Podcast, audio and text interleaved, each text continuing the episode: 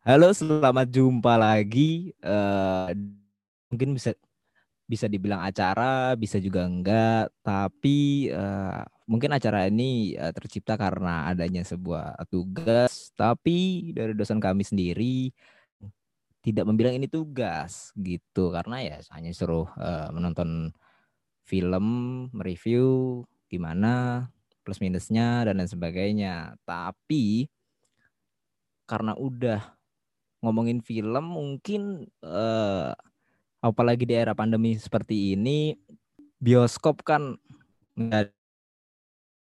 yang sangat di apa ya dipengenkan gitu yang sangat diinginkan oleh masyarakat terutama di Indonesia gitu. Sempat terjadi pro kontra dari bulan mungkin dari bulan Agustus uh, sempat diadakan tapi ditutup kembali. Uh, begitu terus sampai mungkin gue lupa sih kapan fixnya dibuka terutama di Jakarta. Mungkin ada yang tahu gak di sini friend? Di di daerah masing-masing tuh kayak gimana di? Masalah buka, bioskop. Ya. udah buka? Udah buka tapi kursinya ya menurut protokol lah. Hmm kayak gitu ya ya bioskop nggak bisa sih kalau misalnya bioskop nggak ada ya mungkin terdengar atau dirasakan kayak Resident Evil mungkin ya. Kayak gitu tapi di era pandemi kan sekarang orang-orang banyak juga yang rilis film nggak bisa ditaruh di bioskop. Mungkin jatuh-jatuhnya ditaruh di Netflix gitu. Tapi kalau ngebahas film terutama Netflix gini aja deh. Uh, film favorit atau kita ngebahas secara subjektif aja gitu. Dari sisi mungkin pengambilan gambar, cerita, entah film apa pun yang tonton di Netflix, Trans Nah, apa sih film-film yang menurut kalian emang nih ini bagus banget sih film? Entah secara makna, pemaknaan film itu sendiri, pengambilan gambar dari sisi uh, wardrobe-nya, alur cerita, entah juga pengeditan, color grading dan lain sebagainya gitu menurut kalian nih film apaan tuh? Mungkin entah satu atau dua orang sih yang yang yang jawab gitu. Kalau aku sih uh, sering ngeliat film-film dari MCU ya, Marvel Cinematic Universe itu bagus-bagus banget editingnya menurut aku. Di RCTI kan? Oh enggak sih, kalau itu yang dulu uh, kayak misal di bioskop yang pas kemarin-kemarin. Hmm, tapi tapi kalau di era sekarang lebih condong ke arah uh, Netflix mungkin. Apa di mana? Ya, kalau sekarang sering Netflix sih. Hmm. Nah, itu kan dari sisi Netflix. Tapi kalau misalnya MCU terutama yang dilihat tuh sebenarnya apa sih penilaian secara subjektifnya nih ketika kita nonton film, apa gitu penilaian kita yang menjadi klik bahwa kita bisa nge ngeaminin bahwa gitu. Kalau aku editingnya sih dari segi editingnya tuh suka banget bener-bener kayak wow gitu. Terus Setuju sih. Terus hmm. untuk ini juga acting banget. Hmm. Ya bisa sih. Kalau di ada tuh aku lebih suka nikmatin alur sih apalagi alurnya yang nggak ketebak nggak ketebak gitu. Jadi kayak plot twist. Terus ya menurutku tuh seru aja gitu kalau dalam menikmati film tuh ada sensasi menebak-nebak gitu. Betul betul betul betul. Tali pocong perawan tuh bagus bagus. Menarik menarik uh, mungkin nggak jauh-jauh dari ini tadi udah bahas film juga, sisi mana aja yang misalnya menjadi klik bahwa di mengklaim bahwa film itu bagus, tapi sesuai dari jurusan kita dan kita pernah juga ada di salah satu yang banyak juga mahasiswa-mahasiswa uh, dari prodi kita sendiri ilmu komunikasi itu menyukainya gitu. Salah satunya kan fotografi ya. Nah, di sini kan ada Hamdi nih. Hamdi kan emang uh, suka fotografi, secara film, video juga dia suka. Nah, di era sekarang sebenarnya ada nggak sih film yang menceritakan tentang fotografi atau nggak usah di era sekarang deh, di era 10 tahun ke belakang kali ya 2010 ke bawah gitu ada nggak sih film yang tentang fotografi tapi bagus gitu Ada, secara Ren. pengenalan cerita gitu apa tuh friend Judulnya The 2007 tuh. hmm Sutradaranya siapa ya? nah, Nan itulah lupa. Nas Nan Nah. Agnas Itu dia. sama nih Ah. beda beda pemerannya beda gitu Pemerannya itu ada yang dari ak- Kai Tong Lim. Ah dia lah tuh. nah itulah. Tinggal di Bogor dulu. Ini kan ini kan masalah tentang fotografi nih ya. Apalagi si Hamdi juga udah nyebutin satu film eh in- karena kita di era pandemi gini kita gitu sama film banyak eh, apa ya editing yang terlalu berlebihan. Mungkin matanya jadi sakit atau seperti apa. Tapi kan mungkin ada kerinduan ketika kita pengen nonton film-film zaman dulu yang maknanya sangat kuat jadi kita balik lagi ya dari platform baja mungkin. Mau nggak mau gitu. Salah satunya film da- salah satunya judul filmnya kan The Photograph ya kan. Produksinya produksi Indonesia gitu. Nah kalau dari sini kan gue baca nih film The Photograph itu kan kayak ada dua tokoh utama yang selalu disorot cewek sama cowok si Sita sama si Mbah Joha oh, gitu. Jadi emang di sini menceritakan lebih ke apa ya etnis eh, etnis Chinese tertentu. Indo ya. etnis Chinese iya Chinese Indo. Gimana dia eh, hidup di lingkungan Indonesia tapi juga diselipkan eh, apa ya dari sisi personal si eh, pemain itu sendiri gitu nah kita bahas misalnya film ini kan penang di mana friend gue lupa deh Apa ya? Lupa gue. Tapi film ini pernah ini kalau nggak salah di di festival film di Nah, itu dia. Nah, kita emang tuh kan film udah bagus. eh, dan kita juga udah nonton juga kan. Eh, nah, kita langsung bahas aja deh film ini dari sisi mungkin eh, wardrobe, color grading, alur, tokoh, atau mungkin moral value-nya gitu. Ya mungkin dari sisi pengambilan gambar nih. Menurut kalian gimana? Karena jujur film ini banyak eh, menurut gua pengambilan gambarnya itu lebih banyak pengambilan gambar fotografi dibandingkan film gitu loh yang ekstrim banget jarang orang lakuin ini gitu asli asli. ya kan Buat pengambilan gambarnya sinem sinematografinya gokil sih. iya walaupun Maksudnya apa dia produsernya itu kayak bisa gitu memvisualkan ceritanya gitu dari pengambilan gambar pemukiman Tionghoa dari lightningnya pakai low key gitu low key gitu gimana dia juga menjelaskan menurut aku nih ya menurut dari perspektif aku eh, lighting itu juga menggambarkan kisah Pak Johan sama Sita itu yang lumayan suram sih. Sitanya Hmm. pekerja seks gitu kan. Terus Pak Johannya nggak bisa move on gitu kan. hmm, Terus eh transisinya pas sih. Nggak terlalu maksa kayak kan ada tuh kebanyakan film yang wait friend. Eh, apa kebanyakan film tuh transisinya kurang pas gitu. Tapi di film ini transisinya bagus sih, nggak maksa. Tapi ada juga sih apa ya transisinya kayak kurang dari adegan ke adegan itu kurang. Apa mungkin film ini kurang stok shootnya mungkin ya?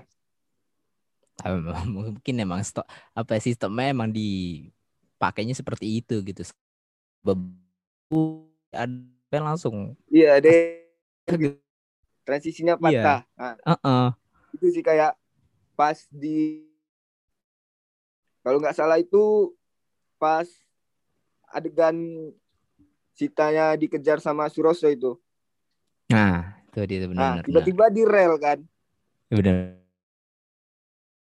Ya, pas Pak Johannya pingsan tuh. Yang pas Hmm. ada kan dia pingsan gitu kan. Di apa Dia toko knock itu di Heeh. ah ya di toko kan. Terus tiba-tiba udah di kuil gitu kan. Kayak apa ya transisinya patah gitu. Mm-mm. Kayak nggak gimana ya? Kayak kurang menjelaskan gitu transisi ya. Ya mungkin Menurut bisa di- disim mungkin mungkin begini, mungkin bisa disimpulin atau bisa kita bilang kalau misalnya transisinya di film di pertengahan film itu sorry jelek ya. Tapi dimaklumin sama eh, warna dia, color gradingnya dia, Color ya kan? terus Hmm. cara dia ngesutnya gitu. Heeh. Tapi Cara tapi dia emang statis gitu kan. Iya, tapi emang emang gimana ya? Soalnya jujur ketika di adegan itu gue juga bingung apa nih yang terjadi.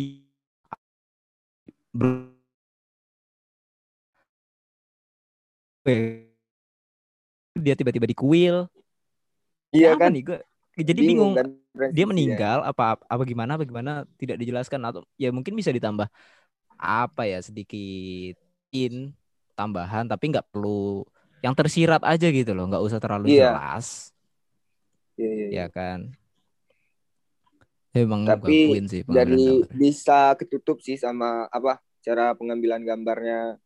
Terus Hmm. yang yang keren itu pas di ini, friend. ketika perjalanan friend Oh, itu entah di mana pun ya dia kan sering keluar tuh ya Ox tuh. Hmm, Terus pokoknya kalau misalnya dari luar tahap ntar dia ngambil lewat atau apa nah itu bagus Iya, iya. banget ketika ketika keluar tapi kalau misalnya di posisi ruangan gue nggak tahu kenapa ya kok rada Iya, kurang tapi ada beberapa yang bagus bagus banget nggak mainstream Terus yang keren itu di bagian apa yang Pak Johannya cerita masa kecilnya tuh, ini kapal ah, iya iya iya, di akhir yang akhir laut tuh.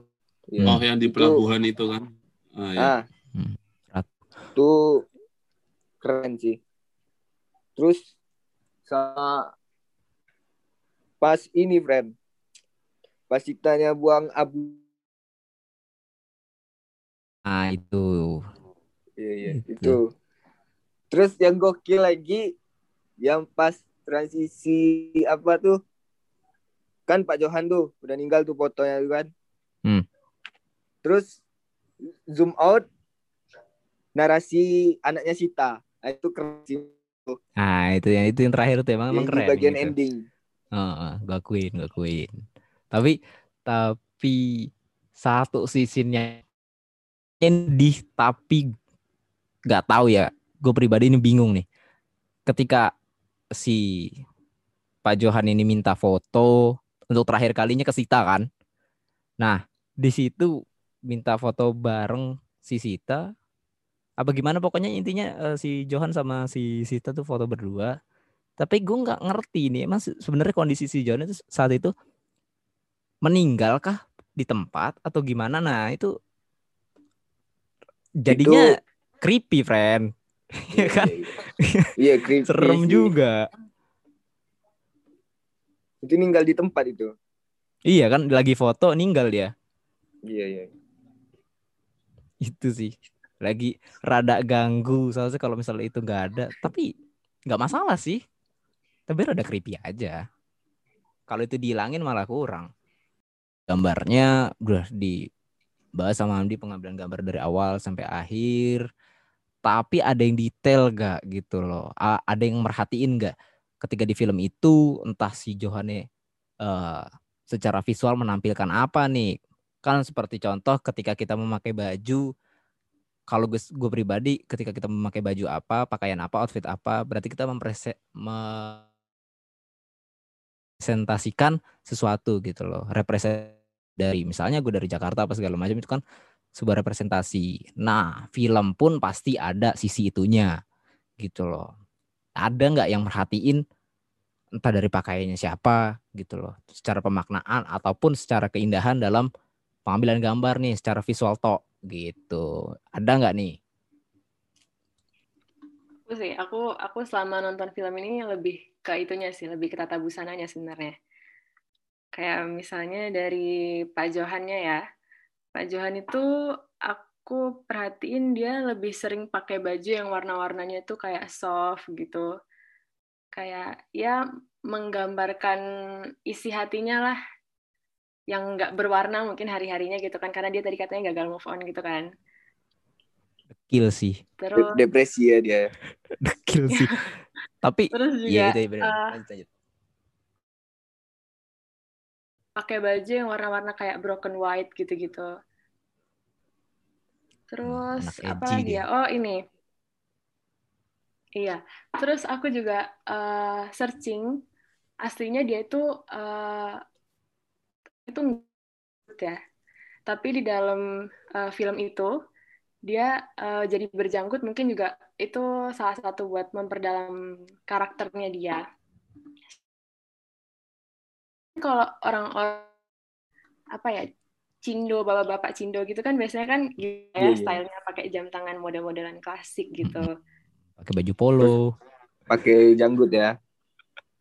Ini janggut mempresentasikan Cina sih Fred kebanyakan Gak juga, Fred. Iya, mungkin di situ kayak- secara Janggut penokohan mungkin iya sih. Secara Mungkin Kalau Cina- lebih ka- ini kumis lele, Fred. oh iya, iya. oh iya tapi Iya kan? tapi Ini bisa secara jadi, biar- apa? bisa jadi dia pakai janggut itu biar feel kakek-kakeknya lebih kena mungkin ya Nah, itu baru Oh, gua ya, ngomong. bisa bisa bisa Bener benar benar. Terus apalagi nih yang diperhatiin kan si Sinta, si Sita, Sinta, Ambo. Itu nah gimana tuh? Sama Iya, kalau- siapa tuh yang yang cowok ngikutin dia terus? Dep apa? ya? Dep kolektor apa? Suroso si Suroso. Suroso sih, iya kan Suroso. Suroso. Ah, Sosro. Itu. Mucikari, Mucikari. Ah, betul, betul. Kalau kalau Sita ya, kalau Sita itu em, ada beberapa baju merah. Kalau itu adegannya dia harus berperan sebagai cewek yang berani gitu, yang aktif. Kayak misalnya pas pertama kali nih datang mau ngekos, eh apa sih? Bukan ngekos ding, apa nyewa ya? Iya, yang pindah ke tinggal tempat ke gitu. tem- nah, pindah ke tempat Pak Johan itu. Dia kan kayak apa ya perannya itu kayak ngomong terus gitu kan kayak berani ke Pak Johannya gitu sedangkan kalau dia harus eh, beradegan kayak sendu gitu atau sedih-sedih gitu dia cenderung juga juga pakai yang soft juga kayak misalnya pas tadi eh, di pelabuhan ya itu Iya, dia iya, iya. cenderung betul. pakai baju warna krem motif bunga-bunga soft juga warna bunganya terus waktu motret terakhir Pak Johannya juga gitu kalau untuk Suroso sih seringnya Eh, pakai tapi jaket bentar, Pak. sih Bentar, sebelum ke Suroso nih ya. oh ya belum Di bagian ini termasuk wardrobe sih. Mhm. Itu friend yang gokil pas Sita sholat. Emang dia sholat. Dia pakai mukena tuh. Tapi nggak ada bagian Bahannya bawahnya dress tuh. gitu kan. Iya, dia Tapi? dia pakai dress buat dia nyanyi. Iya. Oh iya iya iya iya iya. Itu visual itu ada pesan tuh. sisi. Itu itu pesan dan pesan tuh. Ya. Gak, tapi mungkin gini, eh gue nggak tahu ya. Tapi kebanyakan kalau misalnya tokohnya itu adalah entah Muci, eh, PSK, entah dia di tokoh itu melakukan suka atau enggak, kebanyakan nggak sih Indonesia atau film-film luar tuh memakai warna merah, apa merah itu dianggap sebuah apa ya?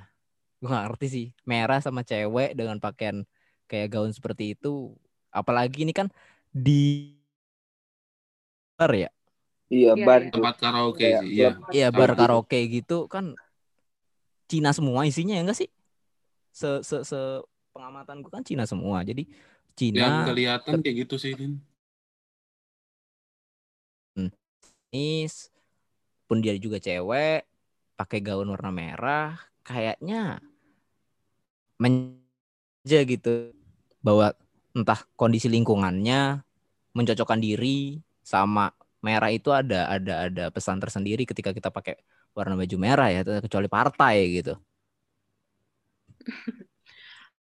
Itu uh, sering di apa ya? Kayak sering di di apa ya? Apa namanya ya? Kayak dijadiin kode gitu ya. Icon Hmm. gitu ya. Terus Icon iya. Untuk untuk, ah, untuk memikat gitu loh. Nah Hmm. itu iya. Gue nggak nemu kata. Bener. Masuk akal sih. Iya. Soalnya kan iya kebanyakan gitu, Fred. Ketika ada Mm-mm. cewek ketat sih gaun atau pakaian kerja dia. Itu kan merah kan dijadikan sebuah ketika dia pengen memikat gitu. Entar di film emang intinya menceritakan tentang itu ataupun detektif dan lain sebagainya kan kebanyakan kayak gitu. Ya mungkin bisa lanjut ke si Sosro nih. Suroso. Nah iya friend. Sosro. Kalau nggak banyak sih, dia lebih sering kayak pakai baju hitam ya, jaket hitam, jaket apa tuh, jaket kulit ya kayaknya. Jaket, ya Ah. jaket. Iya itu mungkin ya buat, ya kan dia karakternya garang gitu gak sih? Saya galak. Gitu sih. Rada rada resah. Jujur gue rada resah kenapa? Resah di mana tuh, Ben? Nih nih. Itu kan dia mucikari ya. Iya, iya. Ya, ya. Seharusnya menurut gue pakaian yang tepat ini ini ya sotoy aja sih. Pakaian tepat itu entah dia pakai apa ya kemeja rapi ataupun kalau misalnya itu seenggaknya kemeja lah. Jas gitu. Nggak jas ya jas boleh tapi kalau misalnya kondisi lingkungannya kayak gitu mungkin kemeja sih lebih memungkinkan gitu. Karena eh, icon ketika lo pakai jaket kulit itu kan jaket kulit apalagi rada kegedean gitu kan. Sama eh, jaket denim, jaket jeans itu kan memvisualkan mengartikan bahwa dia debt collector gitu loh. Lebih Menurut mempresentasikan preman sih. Mm-mm, mm-mm, mm-mm. Tapi di sisi ini kan dia jadi mucikari nih. Tapi gue tapi ini secara cerita juga gue bingung gitu loh. Dia juga debt collector pun juga mucikari ya. Gue bingung nih. Kaki dua lagi. Side job kayaknya, friend. Ya tapi mungkin juga dia debt collector gitu. Soalnya kan di awal cerita si si Sita itu kan eh Punya diajak ngobrol ya. sama iya punya utang keluarga gitu. Ya mungkin dari situ sih. Jadi diambil oh ya udah dipakai ini gitu. Iya, iya. Bisa, bisa, bisa. Bisa lanjut, Par? Terus Lanjut, apa ya? Par. Aku nggak banyak si bos itu kebanyakan pakai daster ya, karena dia emang apa ya karakternya mungkin cenderung menjadi eh, teman, eh bukan teman juga sih. Apa ya bahasanya? Budenya Sita nggak sih? Bude kayak bude jauh ya nggak sih? Iya kan? Maksudnya yang yang kayak jadi tempat curhatnya gitu nggak sih? Ah, Iya, iya. benar-benar. Gue penasaran nih menurut lo nih. yang yang mau nikah tuh gimana tuh? Apa tuh? Yang mau, yang nikah, friend. Ya kenapa ya mau nikah? Kenapa itu kan secara itu kebahas pakaian gitu loh. Ada yang menurut lu ah ini nggak pantas lagi. Ada nggak yang kayak gitu? Kan yang mau nikah ada tuh se apa ya? Anaknya siapa? Rossi ya? I- i- Iya, iya, iya. Rossi. Nah, itu itu kan gimana tuh? Itu baju adat mana ya? Umum nggak sih? Pelakon nggak sih? Eng pakai oh Jawa pak- berarti. Pakai, pakai, Jawa pakai, pakai ya? belangkon dia. Jawa kan Sita Oh juga iya Jawa orang Jawa Jawa. Jawa. Ya. Berarti dia mempresentasikan ini Jawa sih, friend. Jadi nggak nggak melulu soal Chinese bisa jadi. Dia karena masukin kan- unsur Indonesianya juga. Ya. Mm-mm. Tapi kenapa masih terganggu sih warna biru itu? Karena sih cocok. Biar eye catching mungkin, friend. Si cocok. Iya kan? Maksudnya kan badannya si kecil. Ya kan? Ih, si kecil parah. Kecil parah, Ah. friend. Terus pakai warna biru tuh kayaknya terlalu hmm gitu. Ya tapi nggak kurang ya. lah. Hmm, tapi, di Tapi- situ ada unsur apa ya? Tapi Jawa banget sih dari dari masalahnya itu sering banget gitu loh dialamin sama orang Jawa segala macam gitu. Ya bisa mungkin- lanjut, friend. Iya. Ya kan tadi yang pertama pengambilan gambar juga pasti berhubungan sama warna. Secara film-film itu kan pasti berhubungan sama warna. Kalau warna yang kita tampilin ini suasana gitu ya. Warna menampilkan suasana dari sebuah film. Mungkin color grading gitu. Menurut kalian color gradingnya deh tepat gak nih? Kalau menurut gue pribadi, soalnya warna yang ditampilkan itu apa ya? Kayak film luar mempresentasikan eh, negara berkembang aja sih, friend. Ya kan? Iya, terus Kotor. lebih ke lusuh. ini sih, friend. Kayak latar zaman dahulu gitu. Nah, iya, itu juga warna apa tuh? Kalau misalnya di itu apa di namanya? Apa ya? Kayak tonnya Ah, lebih lupa warna aku. kuning gitu nggak sih? Nah, ya Iya, kekuningan. kuning. Entah lampu pun yang dipakai kan kuning dia, Iya, iya. ya kan? Terus- Apalagi di Jawa, Jawa Cina. Itu lebih mempresentasikan kayak latar tahun 90-an sih. Apalagi pas di bagian depan apa? Depan bar gitu kan tempat kita sering nelpon tuh. Itu kan warnanya kayak lebih ke city pop gitu. Mungkin Iya. Adit apa Ya, Gi. siapa?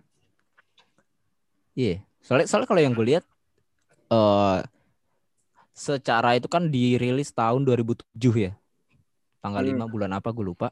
Eh tahun-tahun segitu emang ton warna yang selalu dipakai kayaknya itu Mungkin beberapa film coba kalau misalnya lu tonton ul- ulang beberapa film yang tahun 2007, 2009 sampai 2000 berapa? 10 mungkin sebelum ada eh komik 8 ya kan, komik 8 yang mendobrak eh, masalah eh, perfilman di Indonesia yang baru gitu. Itu rata-rata memakai warna yang sama gitu, entah kekuningan, rada lusuh. Contohnya gini, Jakarta selalu dicerminkan kotor dan lain sebagainya secara warna gitu loh. Walaupun emang iya pada saat itu, tapi selalu ditampilkan seperti itu gitu. Apa emang karena zamannya seperti itu? Apakah emang mencocokkan eh, tempat itu lebih cocok di warna ini? Gitu nggak sih? Ini selain Hamdi deh. Kalau karena karena teknologi Iya. pada zaman itu Nah, itu bisa juga. Bisa Iya kan? tuh.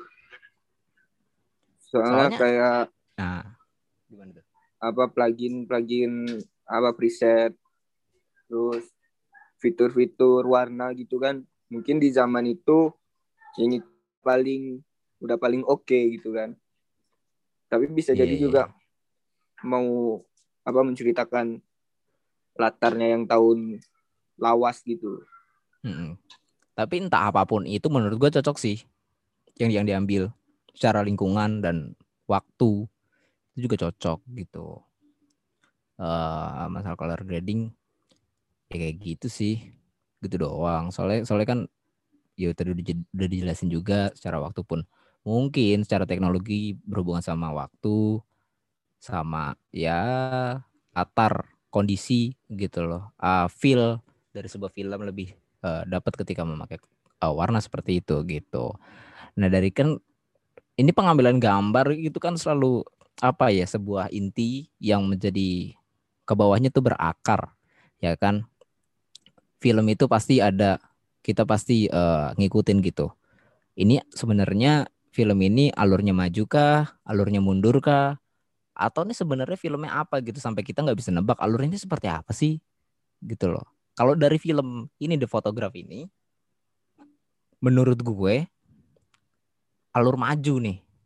Ya Oh, memang mungkin sama. kan ada ada ada ya ada beberapa eh, flashback gitu. Tapi menurut gue flashback tidak bisa dihitung sebagai alur mundur sih. Jadi nggak bisa dibilang maju mundur nggak bisa dibilang gitu karena flashback itu kan cuma apa ya sokongan eh, dari sebuah keutuhan cerita itu, keutuhan dari sebuah film itu. Gitu. Bener banget, friend. Iya kan? Bener menurut banget. kalian Emang- gimana nih? Emang sebenarnya ini alur maju. Cuman ya, ya bener kata lu sendiri, friend. Kayak nggak bisa ini nyangkut pautin flashback gitu loh. Hmm. Karena emang sebenarnya alurnya alur maju. Mungkin kalau misalnya mungkin kalau misalnya eh, film ini nggak bisa dihitung flashback mungkin kayak emang dia menceritakan secara keseluruhan mungkin se- seperempat eh, durasi film itu menceritakan tentang masa lalunya entah dari si Johan ataupun Antara eh, si si Sita. Sita atau mungkin Mm-mm. alur itu bisa dibilang ketika mungkin kita berandai-andai aja what if kondisi keluarganya si Sita diperlihatkan gitu. Itu itu kalau misalnya kayak gitu gimana? Masih masih bisa dibilang maju nggak tuh? Kalau misalkan kan di di filmnya itu kan kayak masalah si Sitanya ini kan nggak terlalu dijelaskan kan?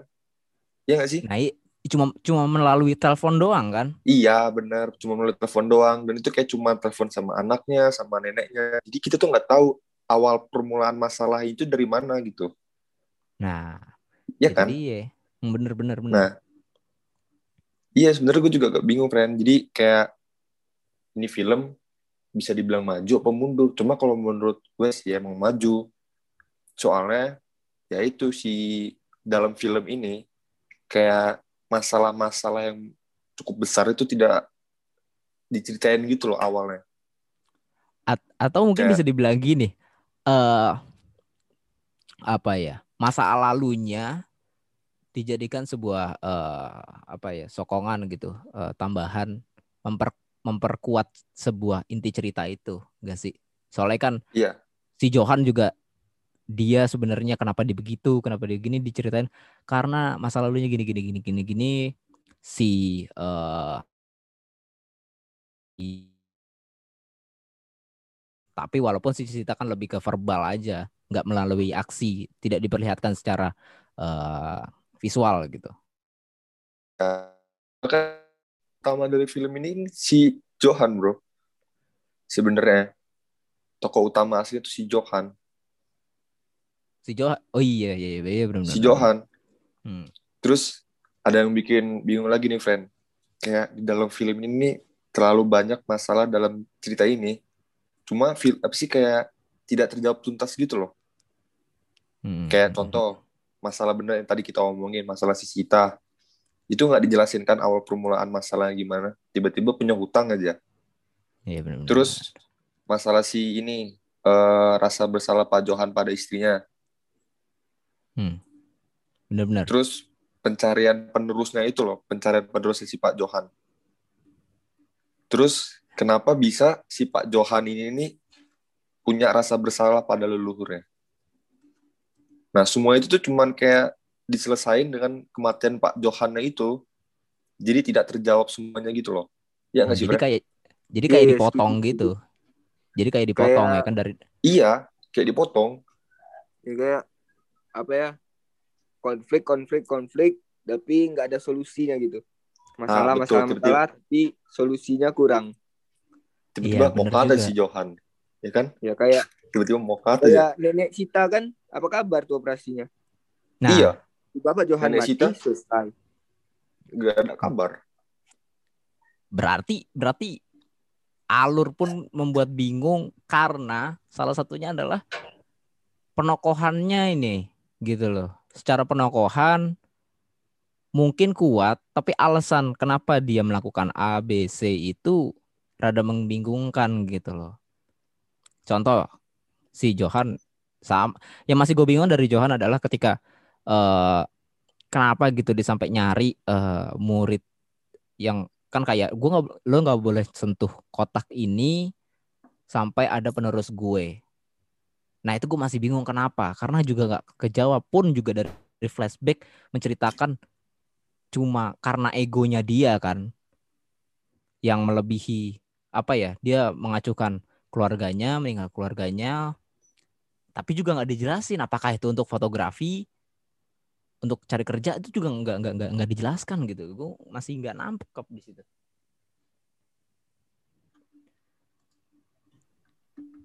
Alurnya mungkin ya flat, flat sih bisa dibilang. Iya, ya mungkin kalau misalkan buat orang awam ya, kayak misalkan aku, itu menurutku emang ini sih, emang agak bosan. Soalnya itu alurnya emang flat gitu. Bikin bingung Iya. malah nggak sih jatuhnya. Nah, malah bikin bingung. Secara pengambilan Cuma kan gambar, film ini gambar kan yang dilihat menyokong. kan dari bahasa visualnya sebenarnya dinilai. heeh, bener-bener.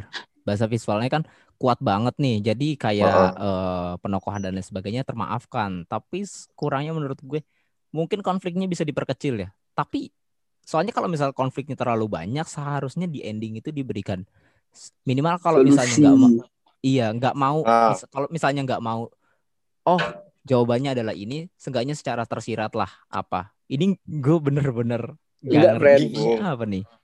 Kalau enggak tuh? di ditaruh di credit scene gitu. Oh Hmm. iya iya. Kayak tambahan-tambahan scene-scene kecil nggak sih gitu? Ah, tambahan-tambahan Tambah-tambah scene kecil. Kalau apa kayak, menurutku kayak ya. operasi gitu. Nah, ini Ya, tuh filmnya emang emang agak beda sih dari film-film lain. Jadi dia kayak mem- membiarkan penonton punya pikiran yang liar gitu loh. Jadi kayak eh, ya udah terserah penonton nih mau punya pikiran apa. Menafsirkannya gimana? Iya. Kalau menurutku pribadi sih. Film festival selalu kayak gitu gak sih? Iya, Iya kan? betul. Selalu- Selalu selalu-. Film Selalu ngajak kita buat mikir. Betul sekali. Lebih debatnya kayak ngajak kita buat itu nggak sih? Buat debat masalah ini nggak? Nah, iya, Kayak ya munculnya itu ini kan sih? iya, munculnya ini kan karena itu. Kalau misalnya filmnya kompleks dijelaskan secara jelas sih nggak bakal ada ini gitu. Betul. Saya tidak Iya akan kan? berdebat. Eh, Soalnya banyak menurut gue seniman mungkin Amdi juga tahu yang misalnya lah eh kita ambil contoh dari sisi eh, pelukis ada Michael Basquiat gitu loh. Dia menggambar sesuatu, dia nggak ngasih tahu juga artinya apa karena biarlah orang yang menikmati seni itu menafsirkan sendiri dengan si, si- dengan sisi subjektivitasnya. Kayak misalnya dari sisi band, lagu, ada band festivalis menciptakan lagu, ya dia sebenarnya benci ketika ada penjelasan lirik lirik ini maksudnya apa segala macem mungkin kebanyakan seniman kayak gitu lebih suka ketika eh, film apa bukan film apa ya arti dari dari eh, karya yang dia ciptakan terserah nih penikmatnya menafsirkan seperti apa gitu. Ya kan? Soalnya kebanyakan dari sisi seniman yang yang gue perhatiin kebanyakan kayak gitu sih. Kayak dia tuh kayak keberhasilan menurut dia tuh kalau filmnya tuh punya misteri gitu menurutku. Kayak kayak gimana Wen? Ya kayak mungkin pandangan dia tuh keberhasilan menurut dia tuh kalau filmnya tuh ada misterinya. Jadi ada hal yang nggak terpecahkan gitu loh dari film itu. nah itu juga bisa ya kan? Soalnya si Johan juga sampai sekarang juga bingung juga penokohannya gimana nih. Ya kan si si si nggak usah gitu deh kita eh, ajak gini paling paling gua rada ganggu adalah jujur yang pernikahan itu. Kenapa kenapa pernikahan itu harus ada gitu loh? Apakah sepenting itu untuk membuat kan dari sini itu kan dirubah ketika wah fotografinya gagal. Yang disuruh eh, dijadikan mungkin dia bisa jadi penggantinya tapi ternyata nggak bisa. Kayak ada aksi ada reaksi tapi reaksinya kurang gitu loh. Seharusnya kan ada sebab akibat atau re- aksi reaksi yang reaksinya atau aki- akibatnya lebih eh, masuk gitu dibandingkan ya gitu kan. Mas, ngerti gak sih maksud gue? Gue soalnya kayak gitu gitu loh. Lo di kayak misal dikasih soal tapi dijawabnya ya gitu doang. Untuk hal kecil gitu. I- menurutku pernikahan itu ya itu friend. Cuma jadi Menghias. alasan itu ya gagal itu. Iya kan? Dan dan ketika muridnya gagal dan ternyata dia buta warna, eh buta warna, buta fokus, itu juga kita nggak dapet feel apa-apa kan? Nggak Iya. dapat. Kita juga nggak tahu kan kayak muridnya itu ke mana gitu loh. Nah Iya, itu juga nggak dijelaskan. tiba-tiba hilang aja, ya kan? Tiba-tiba hilang gitu. aja. Tiba-tiba nggak Iya, ada. Hilang gitu. Tiba-tiba Kayak kayak ya udah masuk apa sebagai gitu. bumbu-bumbu komedi aja gitu kan. Itu kan Iya. komedi. Iya ya. malah gue ketawa gitu loh. Iya, Kayak- soalnya dia mirip Saitama. Enggak kan alasan dia eh, keluar dari eh dikeluarin dari tentara kan katanya nggak sengaja itu itu kan. Pak Komandan ya. iya itu itu paling ya paling tolol sih menurutku. kayak Masa tapi ya iya? iya Iya. tapi nggak terlalu buruk loh Iya, bener. sebagai bumbu-bumbu komedi aja mungkin Iya, biar itu nggak malah terlalu emang dalam mungkin iya nggak terlalu ini kali nggak terlalu serius mungkin. Tapi kan kontra banget, Bu. dah. Kontra Iya banget. Ini filmnya banget. serius. Tapi Tiba-tiba- dengan dikasih komedinya Iya. kayak gitu, Makanya. kontra banget. Iya kocak Kayak- banget dah. tiba-tiba loh kok tiba-tiba langsung fun gitu kan Dan alasannya kan Iya. komedi banget gitu loh. Gue nggak buta fokus, nembak komandannya ya komedi Terus, lah. Nggak jadi nggak jadi tragedi. Jadi tragedi menurut gue. Nggak dapat kalau misalnya bilang itu jadi sebuah tragedi. Wah, emang nggak bisa. Misalnya, wah nggak bisa nih. Emang murid dicari susah. Nggak bisa juga gitu loh. Karena kurang kuat. Bisa jadi juga, friend. Alasannya ini, friend. Apa? Hubungan Pak Johan sama Sita udah mulai erat tuh. Soalnya pas habis kejadian, Sita ngebela ini kan. Pak Johan Ah. terus ngasih solusi. Iya kan? Iya bener bener bener. Jadi ada beberapa faktor gitu ya. Berarti dari Iya, satu dari satu eh, aksi gitu dari satu scene itu nyambung ke mana-mana gitu loh. Bisa nyambung ke pernikahan, pernikahannya gagal, terus ujungnya sebenarnya ke Sita. Bisa juga sih. Ya Tapi- berteori gitu. Iya iya benar-benar. Tapi tapi gini, kan si Sita bilang ngelanjutin jadi eh, muridnya Pak meninggal. Tapi di situ nggak ada bukti ketika dia ngelanjutin gitu loh. Secara secara cerita Iya. di dalam ceritanya kan ada nggak sih? Nggak ada kan? Nggak ada. Tiba-tiba malah langsung ke scene foto terus narasi anaknya mulai kayak gitu. Iya kan? dalam sih, tapi alasan kan di sini kan inti ceritanya kan si Johan nyari muridnya Pengganti. gitu loh. Eh, penggantinya. Si Sita katanya pengen jadi muridnya. Langsung ditutup Mm-mm. sama eh, anaknya dan foto ini mengingatkan kita selalu gitu kan. Eh kok mas- Oh. Iya. kayak di Iya, digantung sih. Iya, Seenggaknya dikasih scene terakhir ketika si Sita udah ngapain. Sita udah atau lagi, lagi melakukan kegiatan fotografi. Masalah. Ini langsung cut gitu. Pesan itu, friend. Kalau pesan Pak Johannya Oh, kayak kayak menurut menurut pandangan gue ya. Jadi kan si Pak Johan ini kan sebenarnya punya beranggapan kalau memotret dirinya sendiri adalah aksi terakhir, ya kan? Makanya dia tuh nyari penggantinya gitu. Kan di Pak Bener. Johan tuh bilang sendiri kalau misalkan bukan penerusnya yang foto dia, kayak kayak akan jadi hal sial lah gitu. Sih, nonton gak sih baik sebagian itu? iya iya iya iya. iya iya iya Nah, terus Nonton, nonton. mungkin yang dimaksud sama saudaranya ini jadi kalau pas kan si Tani udah jadi dari foto nah udah selesai kayak gitu Mungkin kayak ngejawab gini. eh siapa penggantinya, penerusnya?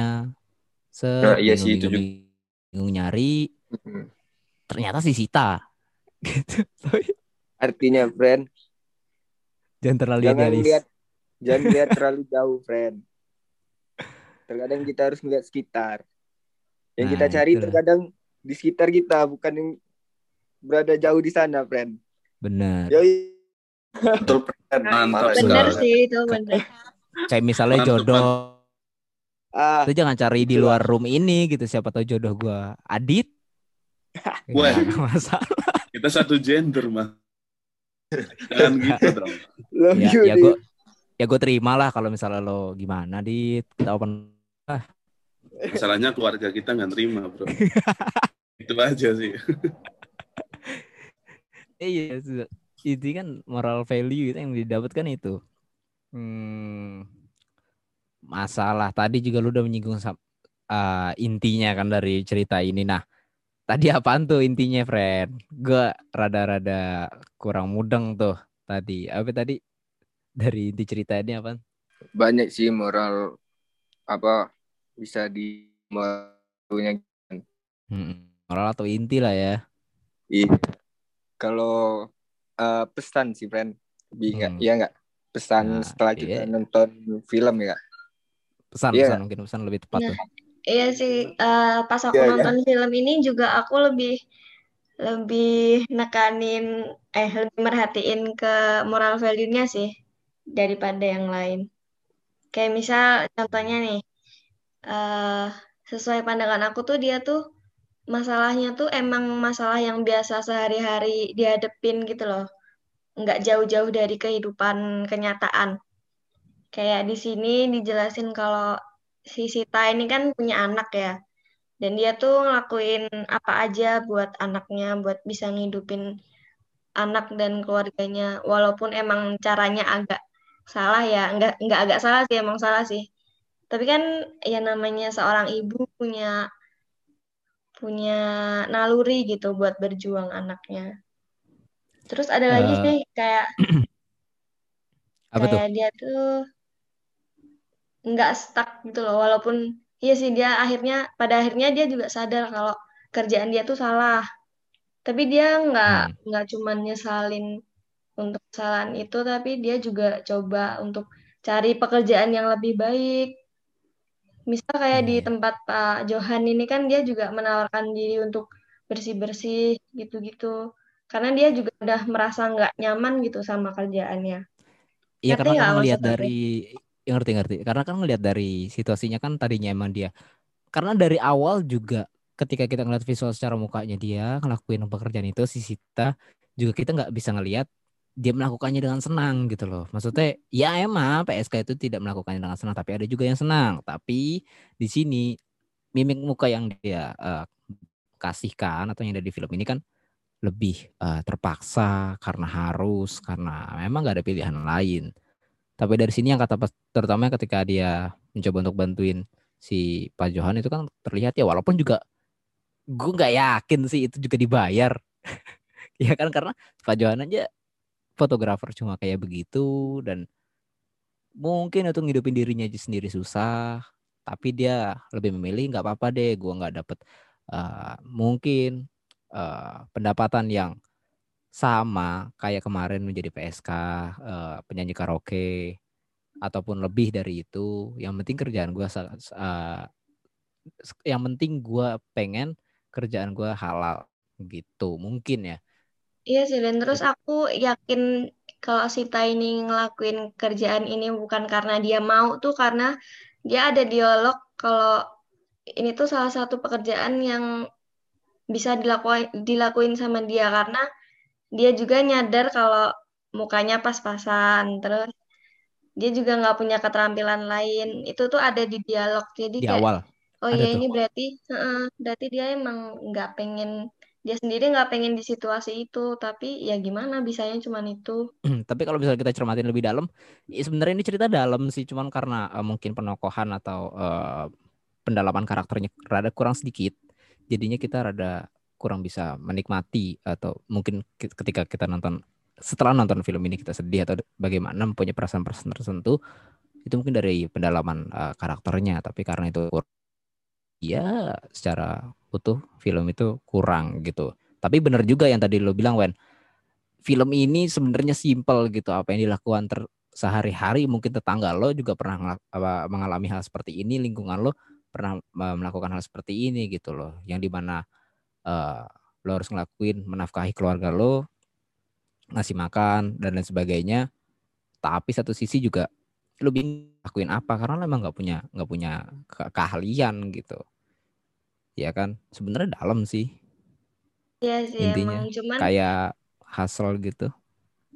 Mm-mm, cuman buat orang awam yang nggak nggak suka film-film yang kayak terlalu gimana ya, terlalu banyak permasalahan tuh kayaknya bakalan susah untuk nangkep moral value-nya. Hmm, hmm. bener bener bener bener mungkin mungkin itu kan eh, lu nge- ngejabarin moral value secara eh, di scene ini di scene ini dia cerita tentang kayak gini mungkin lu bisa kasih simpulan nggak nih dari apa yang tadi lu udah ucapin secara inti deh apa nih pesan dari film itu ya mungkin nanti bukan cuma Wendy ada yang dari Adit Abu Hamdi gua ya semua gitu gimana Wen Iya nih, aku mau ngesimpulin moral value-nya secara keseluruhan ya. Jadi kan dari awal tuh Pak Johan tuh kayak punya pandangan yang buruk gitu sama si Sita. Secara dia ini kan pekerja malam ya. Nah, ternyata pada akhir hidupnya itu yang nemenin Pak Johan, bahkan yang motret di saat-saat terakhirnya tuh si Sita ini. Jadi kita tuh nggak nggak boleh gimana ya nggak boleh terlalu ngejudge orang gitu. Bisa aja dia tuh yang ada pas kita butuh gitu sih. Hmm. Karena tergantung dari dua sisi ya. Pun Pak Johan Iya. juga terlihat eh, meremehkan si Sita kan. Iya, makanya. Sita juga ketika awal juga meremehkan Pak Johan. Jadi sebenarnya Ya, dia dia sih. juga bilang Pak Johan freak-freak gitu kan. Maksudnya Hmm. pas dia cerita sama itu ibunya yang suka dasteran itu loh. Siapa namanya lupa. Nah, si Rosi. Rosi gak sih namanya? Gak tahu siapa lupa. Ya gimana, Adit? Halo. Bung Adit. Halo, baik. Nah, Gimana jadi Adit? pendapatku tentang ini moral ya, moral value ya. Hmm. Ya, gimana berarti? Maksudnya kan adalah dari film yang Nggak, tadi. Nggak beda jauh sama yang Wendy ngomong tadi kayak Hmm. Kreatif dong, kreatif kita nggak dong. bisa Kreatif nggak bisa dong, ini jangan, loh, nggak bisa lihat jangan jangan sama, itu jangan sama. perspektif kita Jangan- sendiri gitu loh. Jangan sama, jangan sama dong, Dit. Enggak, jangan sama, jangan sama. Ya terus Jangan sama. apaan orang lihatnya kayak gitu? Udah. Tapi eh, berarti intinya kurang lebih sama lah ya kita semua. Gitu Iya. loh. Ya, tapi kan eh, ada penjabaran-penjabaran tertentu yang mungkin jadi beda gitu loh. Mungkin siapa nih yang bisa lanjutin dari Hamdi, apa Abu, apa Mbak Farah pengen jelasin, tadi nggak jadi, terus eh, pengen gimana? Intinya emang sama sih, Lin. Apa yang dijelasin tadi, Lin? Ya, ya, ya, ya, iya sih. Si si si si Hamdi gimana Didi? sama. Sa- sa- sama nggak di gitu ya di kita simpel lagi gitu biar gak Simpel aja di di. Sama Ribet. udah. Heeh, gitu loh. Oh sama berarti kalau misalnya sama iya gitu sih tadi kita juga udah ngomongin film dari awal sampai akhir. Mungkin segitu dulu sih ya karena juga ilmu kita tergantung ilmu kita juga masih kurang. Mungkin ini disebutnya Anabel ya masih analisa gembel juga. Tapi sebagai kita yang kita eh, memberikan eh, apa ya pendapat eh, dari film itu sendiri apa nih kurangnya dan lain sebagainya. Dan mungkin dari karena cerita film itu sendiri membuat kita eh, bisa berpikir seperti ini gitu loh tentang kemungkinan-kemungkinan yang terjadi eh, yang tidak disampaikan dari film tersebut. Mungkin gitu aja. Terima kasih. Assalamualaikum warahmatullahi wabarakatuh